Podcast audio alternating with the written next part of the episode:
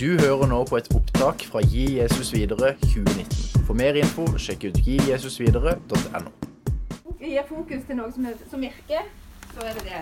Eh, men det er faktisk viktig. Jeg kan le av det, men samtidig er det kjempeviktig. Å kunne ydmyke seg. Det er litt ydmykende når en kommer for femte gang til ungene. Og kanskje må be om tilgivelse for det samme. Men, men allikevel velge å gjøre det. Velkommen. Eh, ja. Så det var det ungene.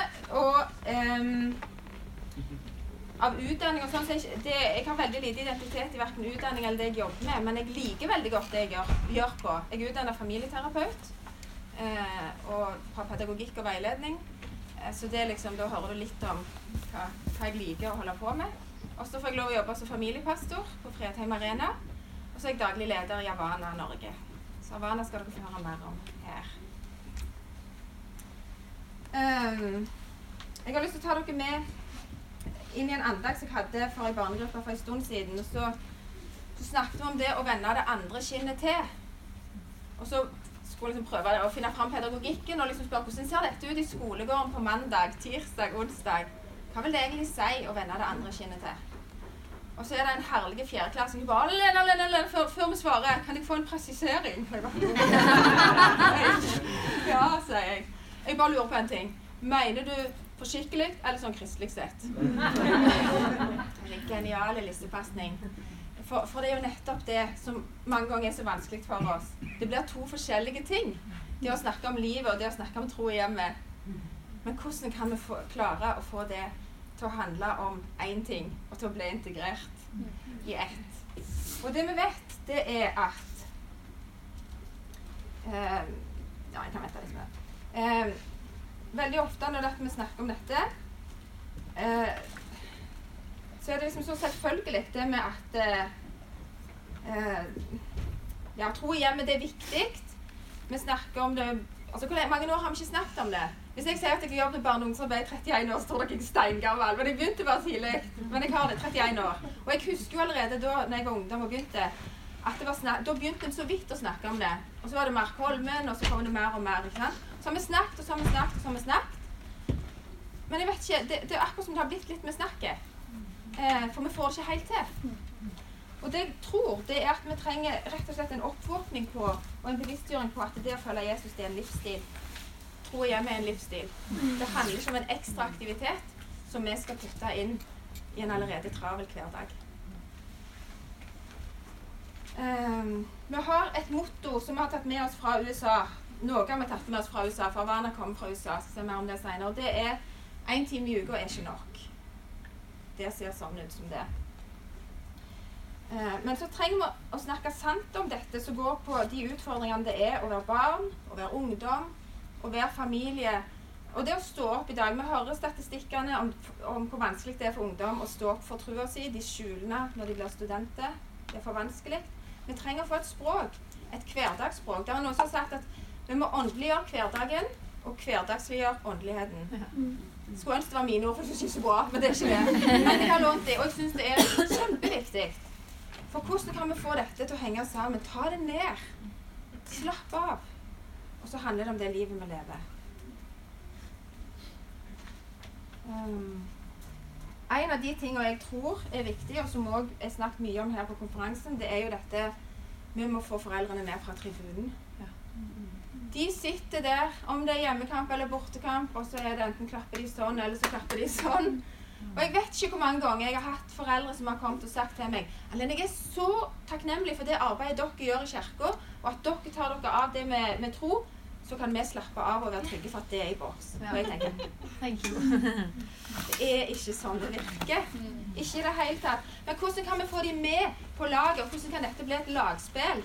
Der vi kan spille hverandre gode, og der vi kan komme oss framover på banen. For i dag folkens, så er vi så sykt defensive. Vi ligger bakpå og prøver å ta imot de ballene som kommer i, i samfunnsdebattene. Og så blir vi bare de der nei til, nei til, nei til. Istedenfor å få en bevegelse framover på banen. Få foten, få beinet på ballen. Og få ballen i mål. Sant? Det er det vi, det er det vi må, må hjelpe hverandre til. Vi må bli offensive på en, altså, på en sann og kjærlig måte. Det er ikke snakk om å gå i klinsj her, men, men vi må fram på banen. Og vi må fram med ja-budskapet. For det er jo et ja-budskap vi har. Et budskap om frihet. Et budskap om frelse. Et budskap om det vi tror er det beste for alle de menneskene vi kommer i berøring med. Og så blir vi sittende som nei til ditt og nei til datt istedenfor. Det, det må vi komme oss ut av. Og det må vi få et språk på. Mange tenker at tro hjemme det er en sånn Du skal skvise inn én aktivitet til hjemme. Og jeg vet ikke hvordan det er med deres timeplan, men jeg syns ofte at den er rimelig full. Eh, og jeg mister litt frimodigheten, jeg, når jeg er på kurs. Jeg har vært på kurs der de har sagt når dere stryker klær Når du stryker klærne til Tonje, så ber du for Tonje.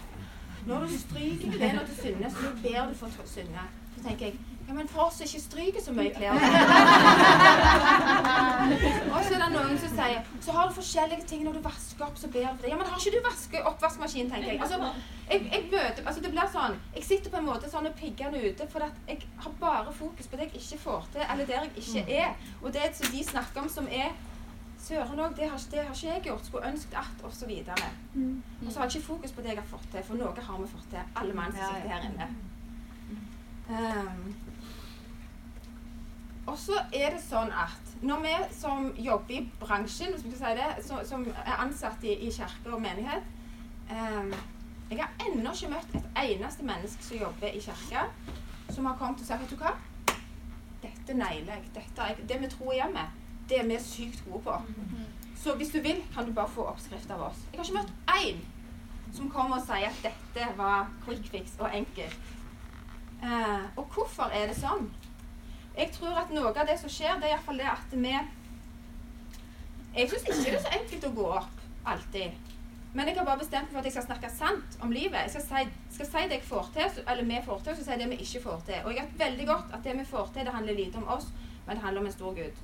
Um, men jeg tror at det er kjempeviktig at vi som jobber, enten det er som frivillige eller ansatte, at vi bare rett og slett proklamerer død over den fordømmelsen som ligger bak oss på det vi ikke har fått til.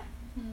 Og så bare huske på at vi tjener Han som sier 'Jeg vil gjøre dere framtid og håp'. Mm. Så når vi snakker om dette, så har jeg så enormt lyst til, og jeg har bedt om, at dere skal tenke herifra og framover. Ja, det er litt sånn som Øystein sa i går. Vi har et uh, sidespeil, men vi har ei frontrute. Uh, vær så snill og tenk front, frontrute. Prøv å ha det i bakhodet når vi snakker nå. Hva kan vi gjøre herifra og framover? Mm. Hva kan vi finne som kan virke?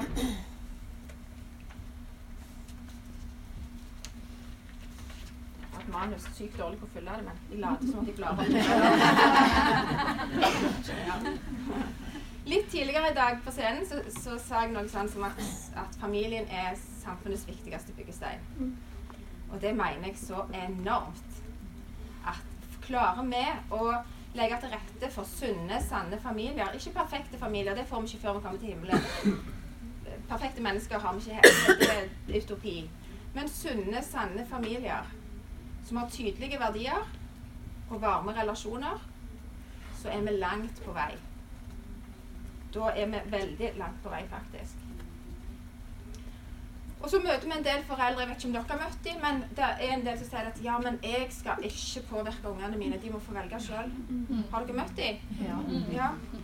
Og vet du hva som skjer inni meg? Da blir sånn Slutt å pølse det. Altså, tenker jeg. Og så handler ikke det om at jeg skal indoktrinere dem eller instruere dem eller noe sånt. Men ungene våre skal ikke være noen ting i tvil om hva mor og far eh, står for, hva vi ønsker å prioritere, hva verdier vi har og hvem vi lever for. Det skal de ikke være i tvil om. Så skal det være et stort rom for å snakke sammen, for å diskutere, reflektere. Ingen problem. Men det å si at jeg ikke vil påvirke ungene mine, det tror jeg er ei helt feil grøft å gå i. Og vi vet at hvis ikke jeg påvirker dem, hva er det da som påvirker dem? Ja, sånn er det. Og så er det en som har sagt at mine vaner blir mine barns verdier. Det de ser at vi gjør, det er jo det de tror er viktig for oss. Så det har de lyst til å ta etter ofte. Så det er òg noe sånn som av og til Hoi! Eh, da er iallfall jeg litt der at da slutter jeg hjemme. Altså, jeg leser ikke Bibelen på, på telefon. Jeg finner boka. Når jeg sitter på telefonen, så vet ikke de om jeg leser VG eller spiller ja, ikke, et eller annet spill eller Det er ikke så lett å se. Men boka, den skal de se. Den ligger framme. Ikke for at de skal være from og prektig, for det er jeg slettes ikke. Men når jeg leser, så leser jeg i boka, ikke på mobilen.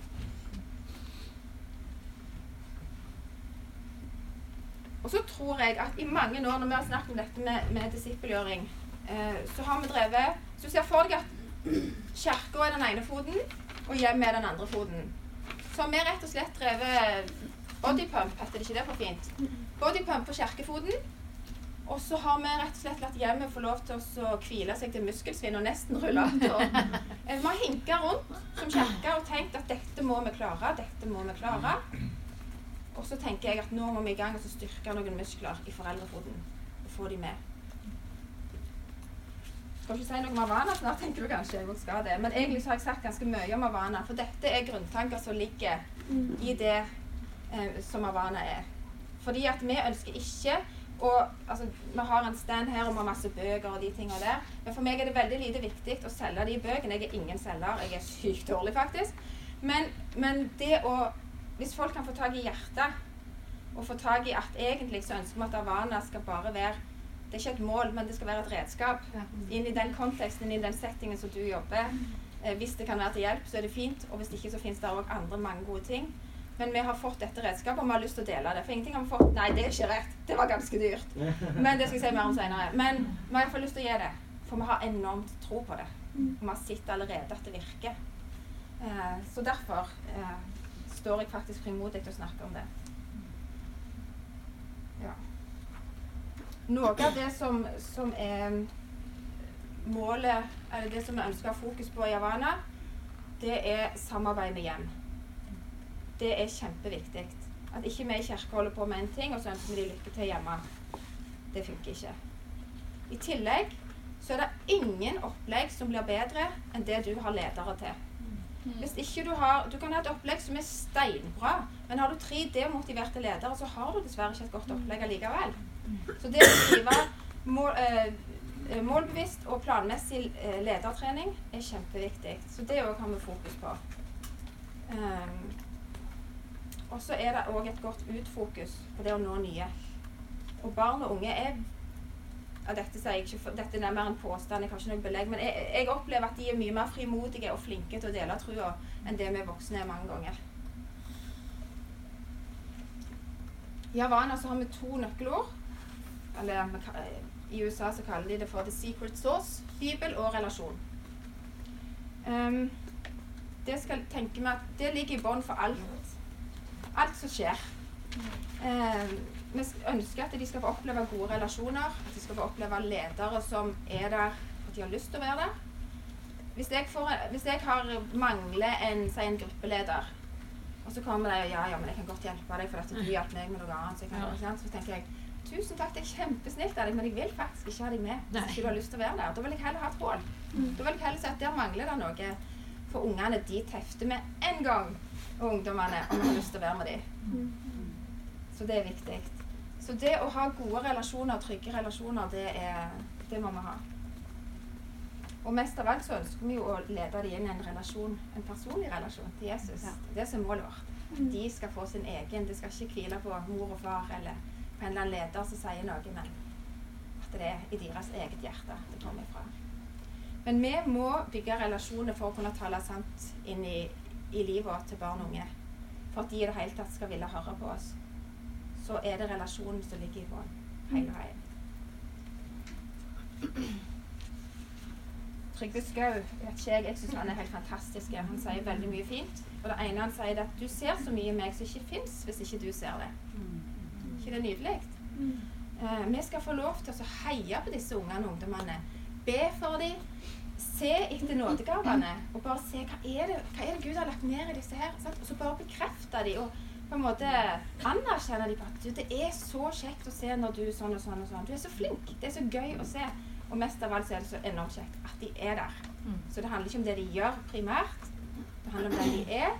Men samtidig få lov til å følge dem i en vandring i den disippelgjøringen. For det er òg viktig det vet vi, at de er med og tjener. At de kommer inn i, i tjeneste. Eh, dere hørte om eldstemann tidligere i dag. Han, eh, Da var han ute og kjørte. Men han begynte på skolen, da var jeg ganske spent på hvordan det skulle gå. For han, eh, han var litt over middels aktiv og likte ikke så godt å sitte stilt. Så når han kom hjem første skoledag, og jeg spør Fredrik hvordan har du hatt det på skolen i dag, nå er jeg spent, så bare var det det fliret eller gliset bare sånn 'Jeg har hatt det fint. Læreren likte meg', sier han. Hva var det for noe? Men hører dere hvor genialt det svaret er? Han møtte en voksenperson som klarte å få han til å tro at jeg er her for at jeg har lyst til å være med deg. Jeg er ikke her for at jeg skal ha en lønn i neste måned. Det er superviktig. De leter etter er det OK å være meg og være den jeg er akkurat her. Hvis jeg nå ber dere om å lukke øynene Hvis dere ikke liker det, skal dere slippe. altså, Men hvis dere syns det er greit, så kan dere lukke øynene og tenke på en sang. Så skal jeg gi dere noen sekunder.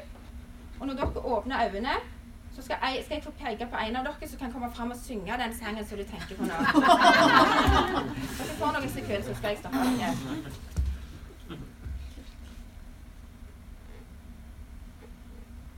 Flott. Har dere fått tenkt på en sang? Da kan dere åpne øynene. Har dere tenkt? Hva tror dere skjer nå når jeg ser på dere? Veldig mange av dere idet jeg møter blikket, så ser dere ned. Noen har ikke fått det opp ennå. Det slår ikke feil. Og hvorfor? Er det behagelig å være dere akkurat nå? Nei. Jeg ville jo være en dust hvis jeg hadde bedt dere om å komme fram. Dere skal ikke det. Men hvis ikke en har veldig lyst. Men det å ha den usikkerheten, det å kjenne på den sant? Tenk hvordan det er for ungene når de kommer inn en del ganger, og hvis de kommer alene. Det er ikke så godt. Og så kommer de med sånne blikk. Men hvordan kan vi fange de blikkene på en god måte? Hvis dere går sammen to og to så langt som det passer, smil til hverandre og bare møt blikket til hverandre. Og hvis det er kleint, så slapp, så trenger du ikke gjøre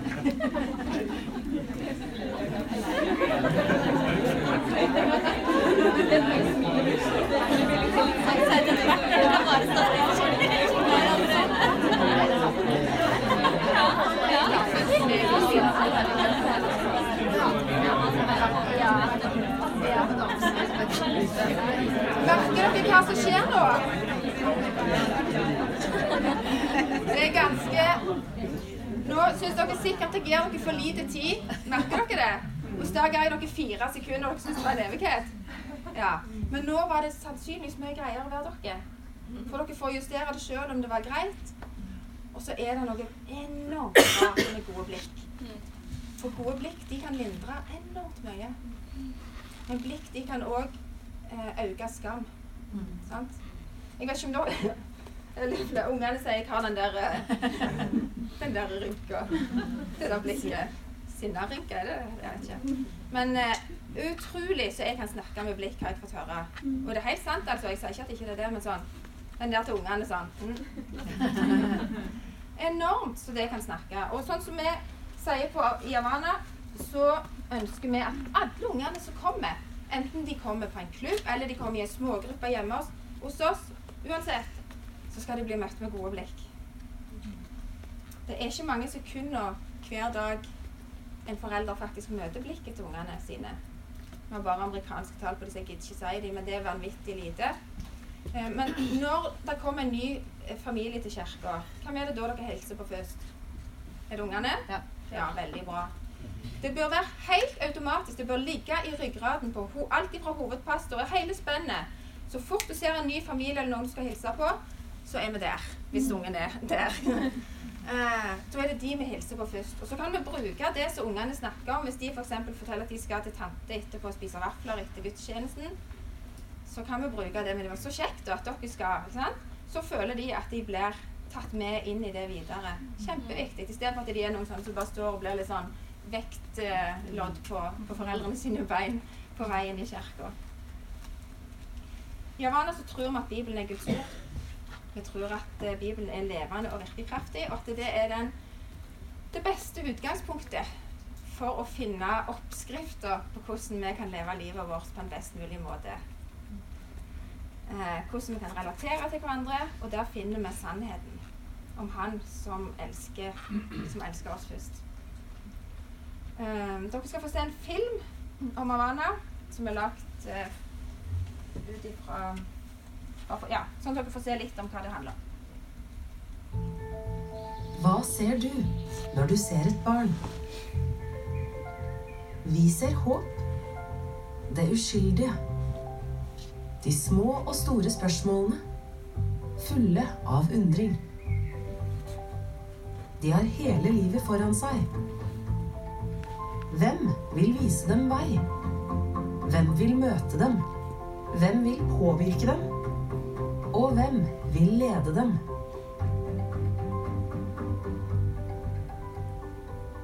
Foreldre har størst påvirkning på sine barn. Og i over 60 år har Havana samarbeidet med foreldre om å gi evangeliet videre til barn og unge. Ikke bare i kirken, men også i hjemmet. Vi ønsker at barna skal kjenne seg elsket og sett. Gjennom lek og latter og solid undervisning i Bibelen skapes tilhørighet og relasjoner på tvers av generasjoner. Avana ble startet med ett fokus barna.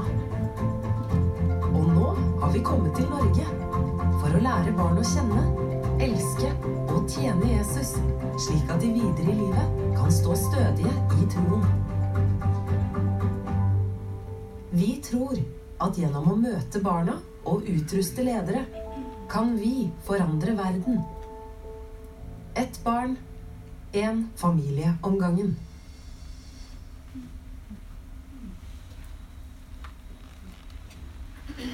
Vi hadde lenge vært på leit etter et helhetlig opplegg som strakk seg liksom fra ungene var små og hele løpet til, til, de var voksne.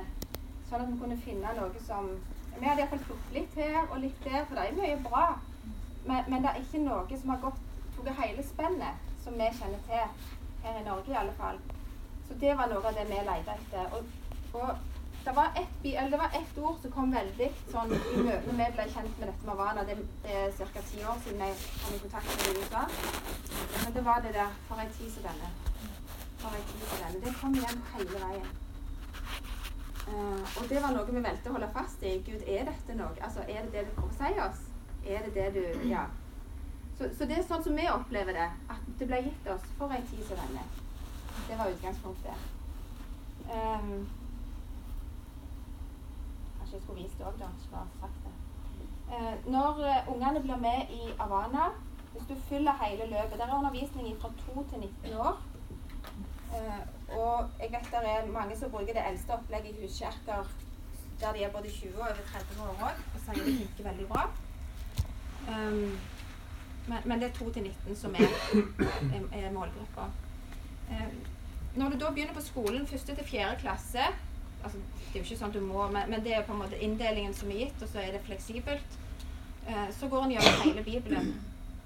Og det å få bibelundervisning i dag, det er kjempeviktig. Jeg har jobba med konfirmantarbeid de siste 14-15 åra. Og den, bare på det å se hvor lite, hvor lite de kan, vi må jo undervise på en helt annen måte i dag enn for 15 år siden til ungdommer på 14 år som kommer inn si, fra gata, som ikke er vokst opp i kristne hjem. Faktisk de òg. Eh, for når du forteller om Sakkeus, så sitter du med store øyne når han har klatret opp i treet og, og, er spent på storyen. For de kan han ikke. De vet, altså, de vet ikke. Så, så, det å få inn solid bibelundervisning og kunnskap, det er enormt viktig. Å la Bibelen få lov å eh, ja, sette seg og få lov til å bli, bli, det ordet som de våger å hvile på, det ordet de våger å gå på. Kjempeviktig. Fra to år og opp til, til barneskole så eh, Den første delen handler mye om det med at altså det er sånn et motto på Jesus elsker meg. Jesus elsker meg. Må det bli sant for dem? Må det bli noe som er det viktigste av alt? At han elsker oss først. Så lærer de om skaperen, og så lærer de om han som, eh, han som elsker, og så er det fram mot, eh, fram mot det å fortelle dem om frelse. Og så, og følger vi altså de, Det må være konkret. De er ikke kommet til den abstrakte alderen da. I, eh, i tweens-alderen så, så er det mer tematisk der òg. Der er det om Blant annet er det en bok som er 'Gud er', og så er det mange ord om hva Gud er. Og det er kjempefint å undervise dem. Det, er, det utvider kjempemye perspektivet. Om det er undervisning om Bibelen. Og så har vi akkurat nå den jeg har lyst til å vise dere. Den ene. En bok som ikke er oversatt fra USA, men som er skrevet her i Norge. Hva ville Jesus ha gjort? Nei, hva ville du ha gjort? Um, en bok så, der du kan lese fortellingen. Det er fortellinger inni her med forskjellige temaer. Så stopper du opp midt i fortellingen og spør hva ville du ha gjort. Og så samtale litt om det. Du kan bruke det i en smågruppe. Eller du kan ha, vi kan ha det sånn som nå, så kunne jeg fortalt dere en fortelling. Så kunne jeg spørre er det noen av dere som har lyst til å komme fram og sitte her og bare, altså, snakke litt om det. Hva ville du ha gjort? Og så etterpå så leser vi videre om eh, så er det undervisning fra Bibelen. Hva sier, hva sier Bibelen om den tematikken? Det går på mobbing, det går på identitet, utestengelse. Mange sånne temaer som de er opptatt av. Så det å ha et sånt supplement er, er bra. At vi òg for det å ta Veldig ofte så tror jeg at vi har en sånn Vi kommer med en agenda. Jeg har noe jeg har lyst til å lære dere. Men jeg tror så veldig på det å begynne hos ungene eller ungdommene i det de er opptatt av. Og så ta med det vi ønsker å lære dem, inn i det heller og møte dem på deres premisser på deres hjemmebane. Så har vi òg et komfortopplegg som vi har utarbeidet sammen med en fra Den norske kirke og Geir Loftsnes fra IMI-kirka i Stavanger. Um, det sier jeg ikke så mye om, men er det noen som er interessert, så kan, kan vi snakkes etterpå. Og så er det for videregående. Og da Den første boka er om disipler, altså hvordan, hva vil det si å leve som disippel. Og så er det om trosforsvar. Og så kommer det ei bok til om det å vitne og etter det så kommer det noe som går på det å lede, lede seg sjøl og lede andre. Mm. Så det er litt sånn kort om, kort om de tinga. De som er med, de får med seg ei bok hjem som er deres. Så de jobber med Eller ikke jobber med De, de leser inn sammen med foreldrene. Eh, og det har vært gull. Vi var litt spent på vil de huske boka, hvordan blir det der? Men eh, det er ingen problem. Spesielt for de minste så er det skatten. Så den, den, tar de med seg, og den leser de. Og Det som, det var en bestefar som kom bort til meg for ikke så lenge siden og sa at jeg må bare takke deg for Havana. sier han. Oi, det er liksom litt sånn, ja. Men da var det det at han hadde to barn som ikke var kristne. Så hadde han kjøpt boka til tre- til femåringene. Så hatt den hjemme og lest med barnebarna sjøl.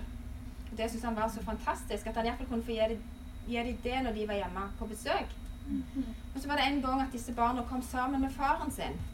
Og når han da fant fram boka, så tok disse ungene boka, så gikk de til far sin og sier 'Pappa, kan ikke du heller lese i dag?'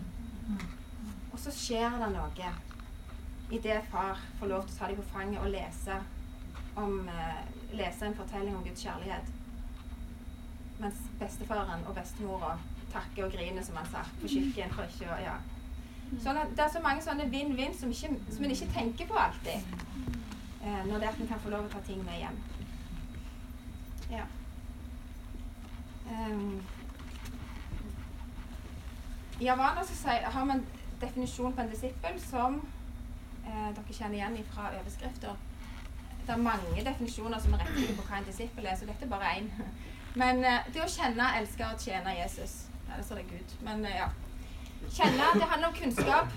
Vi må ha kunnskap, for hvis ikke så blir vi tause. Og det er det vi har blitt nå. Samfunnet er i så st stor forandring at vi kommer bakpå og mister språket litt.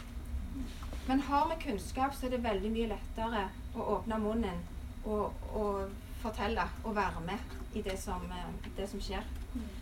Eh, og så handler det om å elske. Vi vet at vi elsker fordi han elsker oss først. Og vi ønsker at den kunnskapen skal bli som en pollett som detter ned i hjertet. At det blir noe som er eid av ungene, av ungdommene. Eh, og ut ifra det at vi får lov til å elske tilbake, så flyter tjenesten. Det, handler, det, å tjene det handler jo bare om å gi videre det vi har fått. Det er jo ikke noe høye skuldre i det. Det er ikke det det skal være. Men det å få lov å være med å tjene, det handler om å få lov å være med å gi. Det jeg allerede har fått. Ikke det jeg ikke har fått. Det, det kan andre få lov å gi. Så det er, det er definisjonen. Så er det tre sånne hovedelementer. Undervisning, smågrupper og gøy. Eller lek. Um, hvis en bruker dette opplegget, enten om det er på en klubb en fredagskveld, en onsdagskveld, eller som, som på søndagen som barnekirke, så er det lagt opp til at det er en del med undervisning. Så er det en del med smågrupper. For det er kjempeviktig, det som skjer i smågrupper. Skal si, jeg pleier å si at skal du korte ned på noe, så ikke kort ned på smågrupper.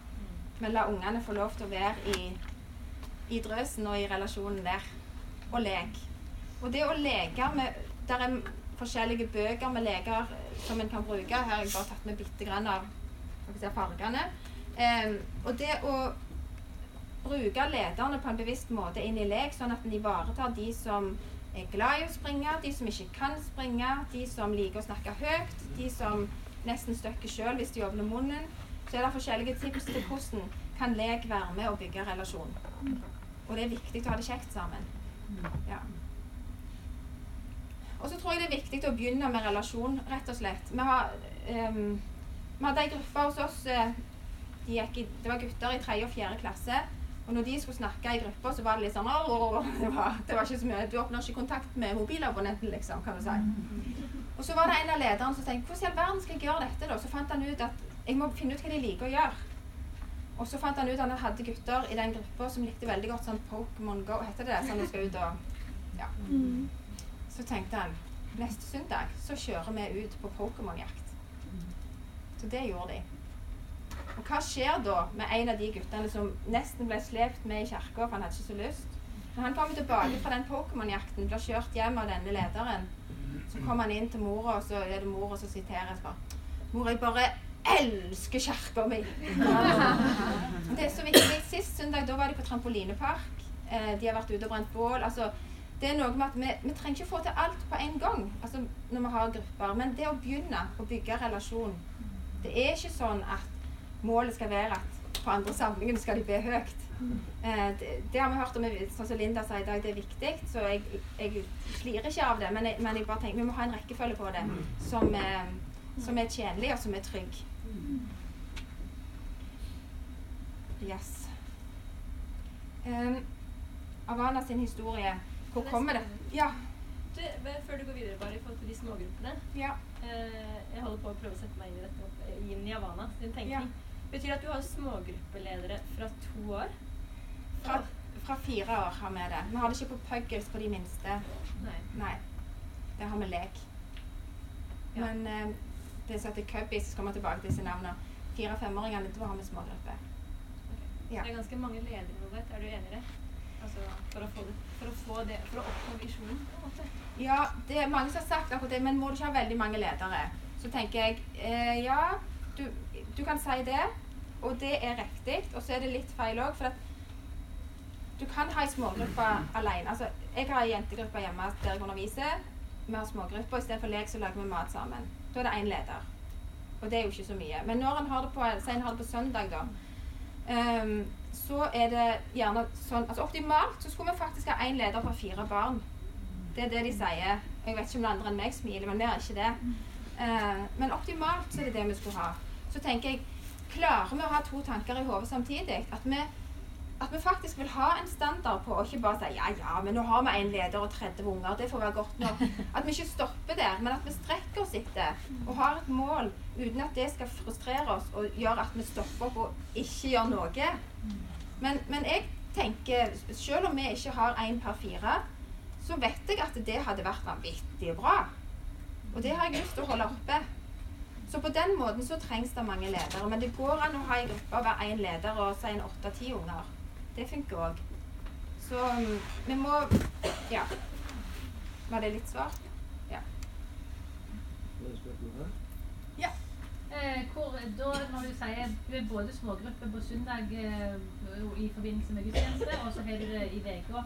Er det sånn, eh, er det noe sånn at det er, den aldersgruppa er på søndagen klokka 11, og så den andre er hjemme i heimene en gang i uka? Det Ja, det er bare sånn som vi har gjort det, så det er ikke en fasit. Men vi har tatt altså, videregående har vi i ukedager. Vi har ikke et eget opplegg til Altså vi har opp til tweens, altså 7.-8. klasse, Ja. har vi på søndagen. Og resten er i løpet av uka. Ja. Men eh, Men da klarer du å få ledere som kommer, finner seg til hver søndag? Det hadde vært fantastisk hvis vi fikk, men det gjør vi ikke. Det er veldig få ledere som vil komme hver søndag. Men vi prøver å ha Altså den som er smågruppeleder, er Når han er, kommer på søndag, så har han si faste gruppe. Altså da har han gjerne tre fjerdeklasse jentene eller femåringene eller Ja. Sånn at de treffer de så ofte som mulig i alle fall. Mm. Men har du de en ukedag, så er det jo lettere å få folk til å gå hver gang. Og da vil du treffe de samme lederne iallfall litt oftere. Andre ting? Ja. Ja. Er det sånn at du kan hoppe inn eh, på en måte Åssen er det for nye barn å komme hvis de er f.eks. sju år Ja. eh, og ikke har fått med seg noe av det som har skjedd? For det er jo et langt et løp som går Ja, det er det. Hvordan vil du si at det er for en å hoppe inn i det? på en måte? Det er jo det vi har gjort egentlig når vi starter opp. For vi starter opp fra 2 til 19 år. eh, Sånn at de har hoppet inn på alle, i alle disse aldrene. Det vi ser, det er at for de som begynte når de var små, så er det veldig mye lettere med smågrupper når de kommer til, til skolealder. Så vet de hva det går i.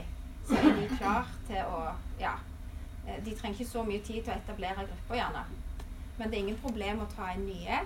Og det er ingen problem å starte og si at ja, nå starter vi si, på fjerde klasse. Eh, og så tar vi det derifra. Det går helt fint. Mm.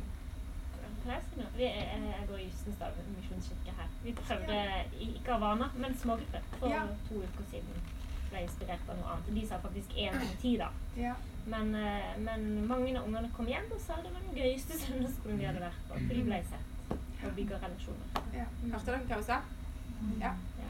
Bra. Nei.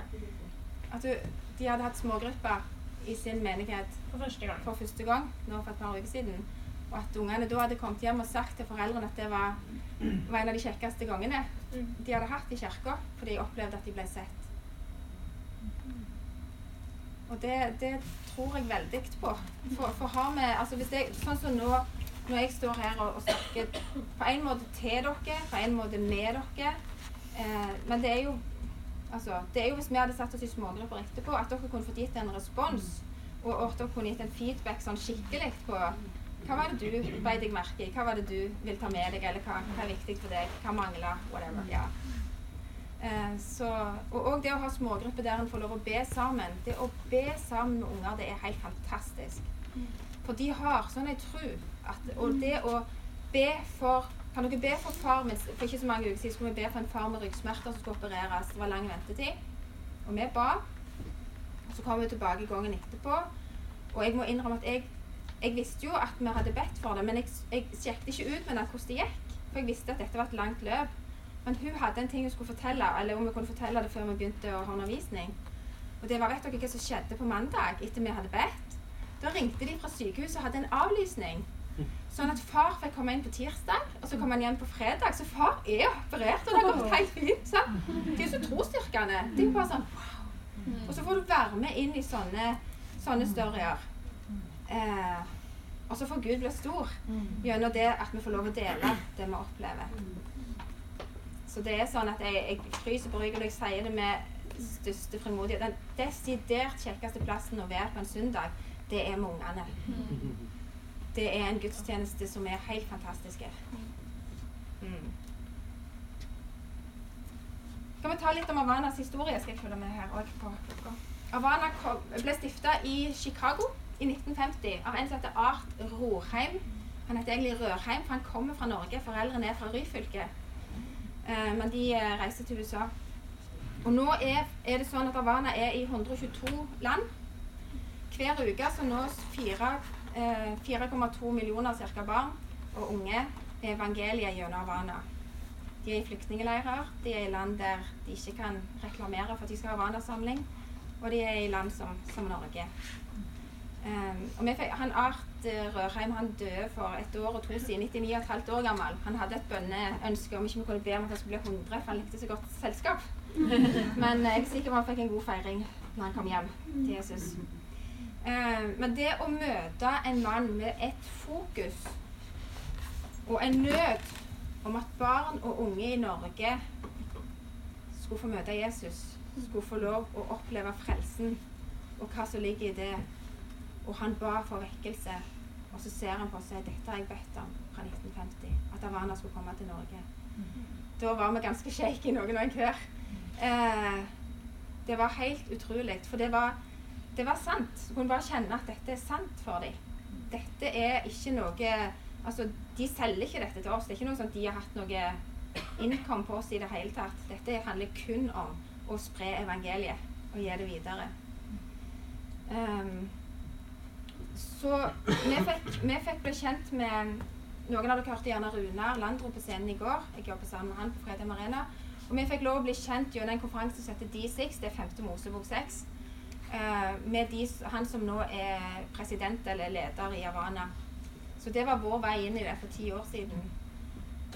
Um, og så har vi tatt eh, Så begynte vi oversettelsesarbeidet. Det er Indremisjonsforbundet som skrev under avtalen i forhold til det formelle.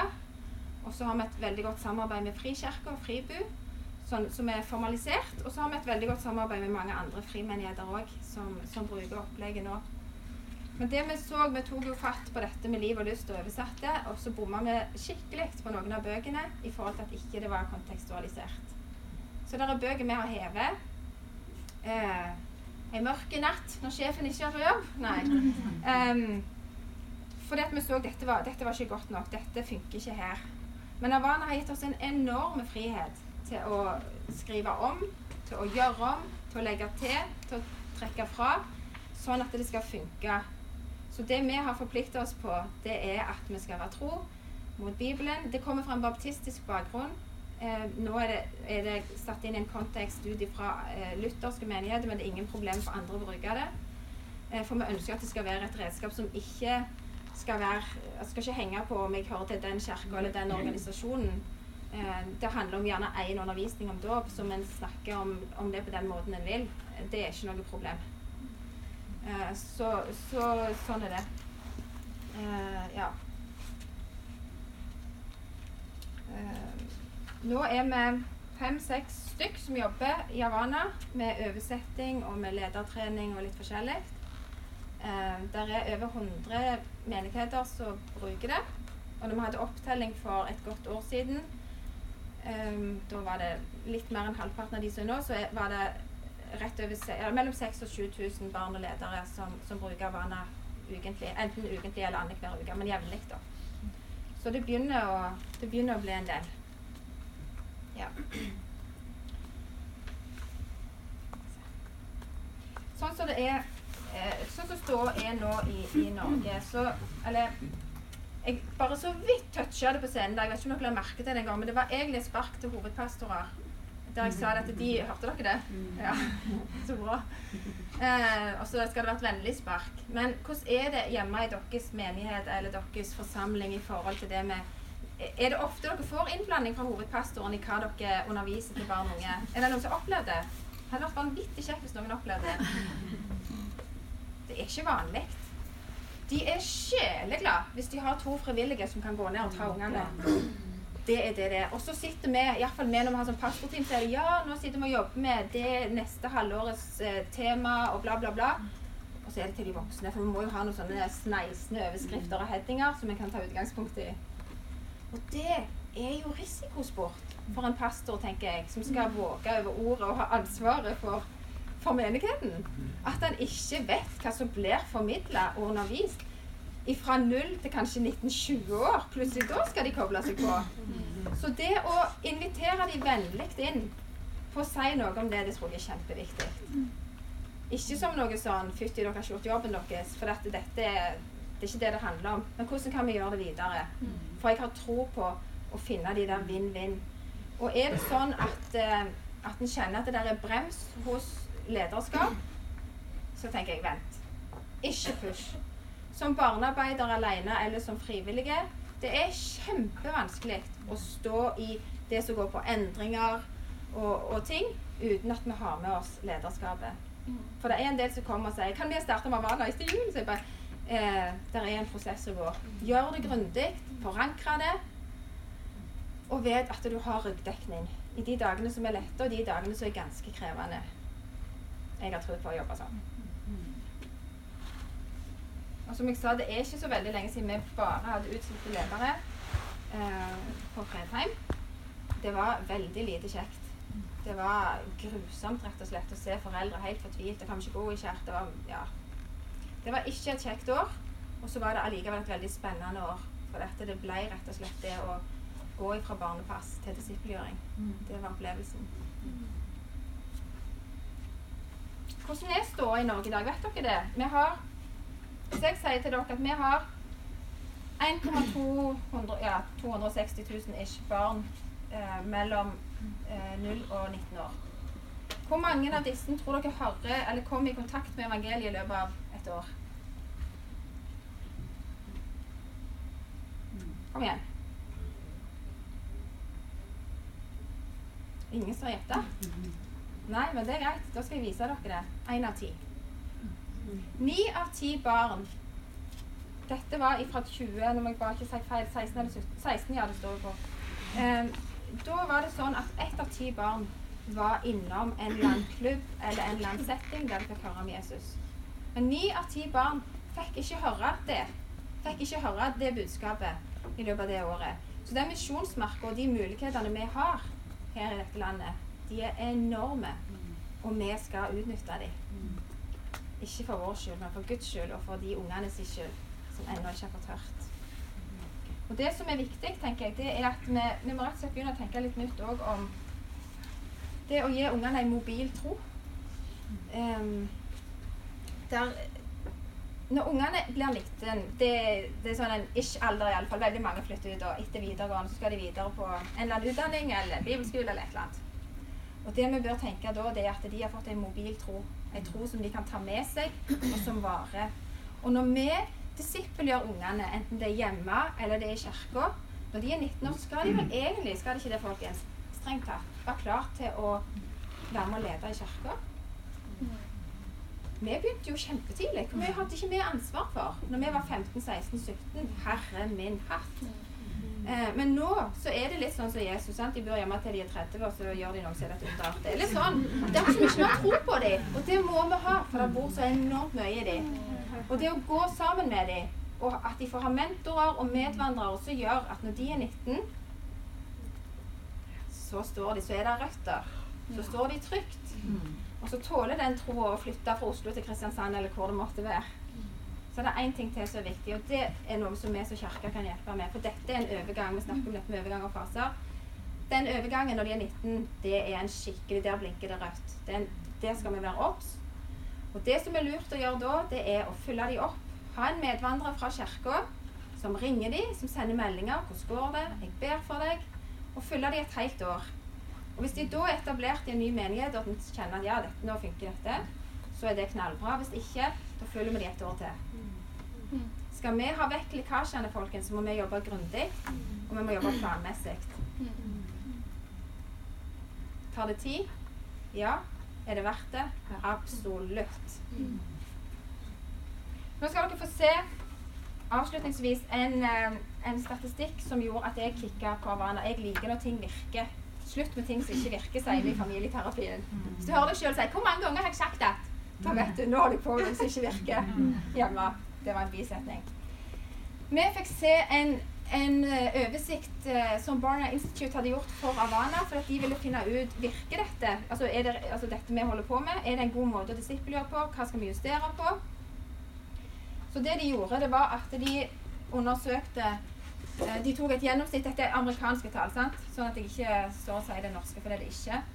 De undersøkte eh, hvor mange tror at Bibelen er Guds ord.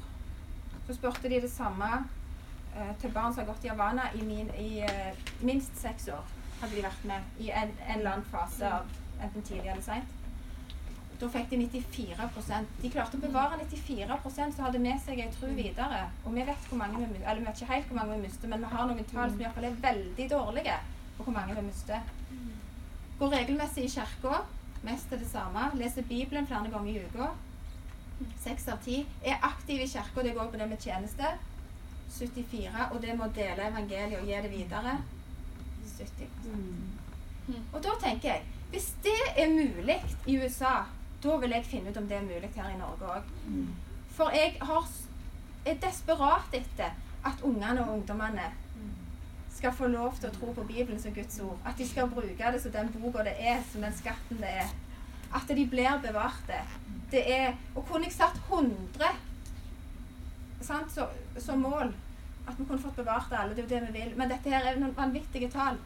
Og det å være en del av fellesskap, det å lese, ta til seg på egen hånd, og det å bidra, og det å dele. Et veldig fokus på ut. Sånn som nå så eh, På Fredheim så har vi et, et misjonsprosjekt ut ifra Havana, det, eller de kaller det Havana Go, eh, der vi eh, bidrar med det meste av det som skjer av undervisning i Kambodsja av Havana. Det er så billig, vet du, at da koster det ikke så mye. Men så får ungene være med å samle inn. De har misjonsmarked, de har sånn klesbyttedager og alt sånt, og får et engasjement. Og så får de videoer tilbake og brev tilbake fra unger i Kambodsja som får høre om Jesus fordi at noen barn her er villige til osv. Kjempeviktig å knytte det sammen. Så avslutter jeg med for en tid som denne. Eh, der er mye som er bra av andre ting òg. Så dette er et supplement. Og de, for de som vil ha det, så ønsker vi å gi det videre. Eh, og så er vi takknemlige for at vi kan få stå sammen med mange organisasjoner, akkurat sånn som her på Jesus videre. Og sammen så tror jeg at vi kan nå ut til mange flere. Eh, og så skal vi ikke sitte på hver vår tue i hver vår organisasjon og tro at vi har skjønt det og vi har svaret på alt. Men så, så har gjerne noen det, og så har andre det. Og så sammen så kan vi få lov til å være sterke og stå i enhet og få lov til å gi evangeliet videre til de som ennå ikke tror. Mm. Yes. Vi må ha litt tid til spørsmål. Jeg må bare se etter hva det det. Ja. Så da også har jeg med bøker hvis noen vil høre litt mer om aldersinndeling og bøker og sånne ting. Så Oi sann, det trengte jeg ikke. Um, så, så kan vi ta det etterpå. Um, dere skal få dere skal få uh, en brosjyre på vei ut. Der står òg litt mer om hva Havana er. Og Der ligger det òg en brosjyre inni der igjen om en konferanse i februar. Vi har noe vi kaller Avana DNA-konferanse. Som alle som begynner å bruke opplegget, må ha vært på. Ikke hele gruppa, men noen av lederne. Og helst en av hovedlederne i menigheten. Eh, fordi at vi har ikke lyst til at det skal være Har dere ei bok til 5. til 7. klasse eller 1. til 4. klasse? Vi har lyst til at dette skal være noe mer som er grundig, som er gjennomtenkt, og som de virkelig har lyst til å ta fatt i. Eh, og det å tenke helhetlig i det. Så har vi masse ressurser på nett eh, som en kan bruke i forhold til powerpoints og forskjellig, og tips og sånn. Så de som blir medlemmer, får, får det. Eh, men ja, dere kan stoppe igjen hvis dere vil og spørre. Men eh, vær så god, er det noen Hva lurer dere på? Ja. Hvordan er det å skalere det i ulike størrelser på menighet? Eh, hvis det er Ja, i sånn så har vi jo noen menigheter som er ganske små, og noen som er mye større. Eh, hvordan funker det i små og store kirker? Det, det, som, det har vi vært litt spent på for i USA. Så vi har vært i noen av disse megakirkene og sett hvordan det virker. For der er det noen av de virkelig store som bruker det. Og det er jo litt sånn Det er jo nesten som å komme inn på konferanse her at du, skulle skannes inn og i det hele tatt. Eh, og det funker som ei kule fordi at det er godt organisert der. Eh, og da snakker vi om mange mange hundre barn som skal inn. Men sånn som den gruppa som jeg forteller om som, jeg, som har hjemme med 17-18-åringer, det, det, er kjempe. Sånn at opplegget er litt sånn som jeg sa i starten. Ikke tenk at Havana skal være et mål. Vi skal få til Havana. Men tenk på Havana som et redskap i disippelgjøring. Hva kan vi bruke på en måte som gjør at dette er tjenlig for oss? Og det går veldig godt an å bruke det i store menigheter eh, og i små.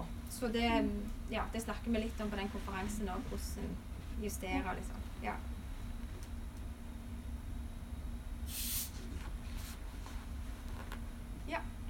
Havana? Approved, ja, vi, vi, bruker det bare som, altså, som et navn. Men i USA så betyr det 'approved workmen are not ashamed'. Så du finner det i Bibelen. Andre, andre test Å, nå ble jeg litt flau, for jeg burde jo kommet det unna. Jeg husker det ikke. Ja, Men du finner det i Bibelen. Ja. ja. Jeg skjønner at det er et verktøy, da. ikke sant? At du kan bruke det litt som du vil, egentlig, sier du. Men, men kan det bli litt sånn eh, Havana Dere hadde et eget visjonsprosjekt til Havana. ikke sant? Men så tenker jeg på resten av menigheten. Hvis de har noe annet. Eller hvordan, hvordan blir det ikke en egen greie eh, ja. i menigheten, men en del av hele menigheten? da? Nei, Det er absolutt hele menigheten sitt prosjekt. For vi, vi reiser også ned og har familieleirer hvert år. Ja. Um, I samarbeid med Nordmisjon og, og, og, Havana. Sånn at eh, det, det er forankra det er viktig. Så godt spørsmål. Det er forankra hos de voksne. Men visjonen eh, Kjenne, elske og tjene? Ja, Er det menighetens visjon, eller er det bare Havanas visjon? det står ikke som vår eh, visjon på Fredheim, men det står f.eks. så Det er mange menigheter som har spurt kan vi få lov å bruke det, og selvfølgelig kan de det. Eh, vi har å gjøre Jesus synlig, og så er vi i en, eh, fase der vi jobber med de tinga. Så hvis, ja, det er ingen stor hemmelighet at jeg eh, skal endre noe der. Eh, men eh, sånn som i, eh, frikirk, i Fribu, så vil du se eller i Frikirka vil du se mange menigheter som har tatt inn. Og i Indremisjonsforbundet så har IMF Ung det som sin, sitt motto. Så vi jobber med å få det inn altså for de som vil ha det, da, der òg. Det er ikke noe sånn, det skal ikke være et mål i seg sjøl.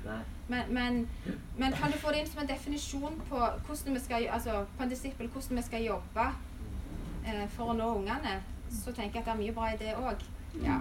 Men eh, jeg liker jo når det, ja, når ting setter seg. Ja.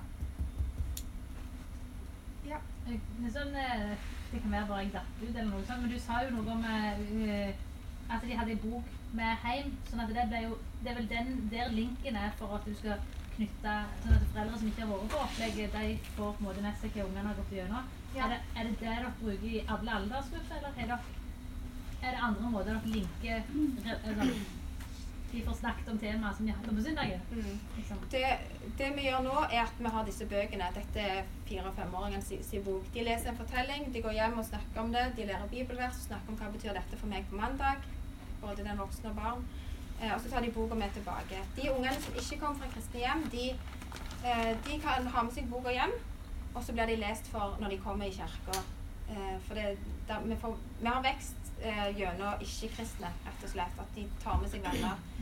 Eh, vi har faktisk eh, en far som sier det Sender dere den boka hjem med ungen, så brenner jeg den. Så den boka ligger i kirka.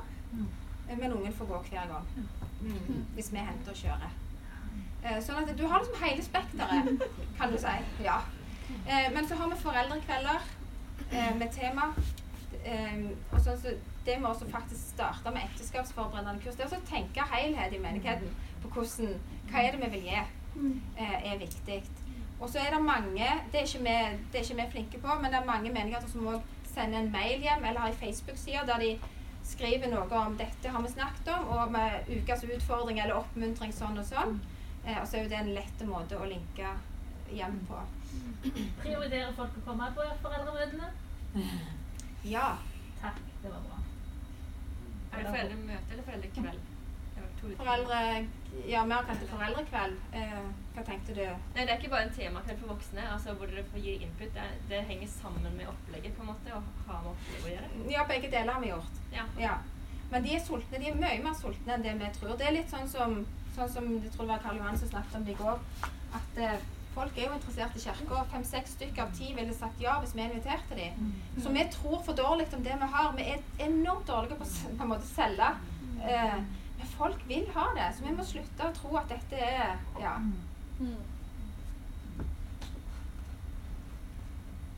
Ja. Litt sidespørsmål, egentlig. Men eh, du snakka litt om det med at barn skal bli sett når de kommer inn i kirka og sånne ting. Ja. Eh, vi har hatt veldig fokus på å se de voksne nå i det siste, med å servere kaffe og sånn. Men Har du noen ideer eller tips til at de kan bli bedre å se barn når de kommer? Har dere noe sånn spesielt eh, på når barna kommer og sånt? At de kan bli ekstra sett? Eller, Du spør om det med at de har sagt at de var flinke til å se de voksne når de kommer, servere kaffe og de tingene der, og hva gjør en i forhold til barn når de kommer. Noen har brukt den der at de har en plakat der de har enten så kan du få high five, du bare viser om du vil peke, har dere sett den, den ligger på Facebook, sant? om de peker, jeg vil ha en high five, jeg vil ha en klem, eller jeg vil danse cha-cha-cha, eller et eller annet. Em, vi har ikke det, men vi har folk som står i døra og gir high five og sier velkommen. Um, og så er det registrering, og der myldrer de rundt. Og så er de i gang å leke med dem med en gang. Så er det noen som har litt frukt som de står med eh, i døra og, og gir de når de kommer. Men er, ja, det er litt etter hva, hva lokalen har òg. Eh, mange av oss har gjerne ikke det der store spacet som skulle, skulle ønsket idet de kom inn. Eh, så, men em, alle barna blir sett inn i øynene når de kommer. Ingen som smetter forbi. Og det tror jeg er viktig. At de får høre at det er kjekt å se deg. Det er kjekt at du er her i dag. Ja. Eh, Går barna rett til Avana når du kommer i gudstjenesten, eller er de med foreldrene først, og så får de Det, det kan menighetene velge ut ifra hva som vil fungere hos de. Når vi starta med det, så gikk vi over til at ungene gikk rett på Avana. Eh, så har vi det tre ganger i måneden. Og så har vi familie- eller generasjonsgudstjeneste en gang i måneden der vi er sammen. Der vi får lov å feire nattverd, ha, ja, ha dåp og ja. Så, men det, det er helt opp til hva som funker. Men vi syns vi var sykt dårlige på det første kvarteret. Det, ble, altså det var de voksne som syntes det var koselig at ungene var inne. Mer enn at ungene fikk så veldig mye ut av det. Og så var de ganske utmatta når de kom ned til oss. Um, men jeg sier ikke at det er feil. Jeg sier bare vi ikke fikk det til. Så, så det er litt etter hva Ja. Hva, hva en har av mannskap til å ta seg av den, den veden. Mm.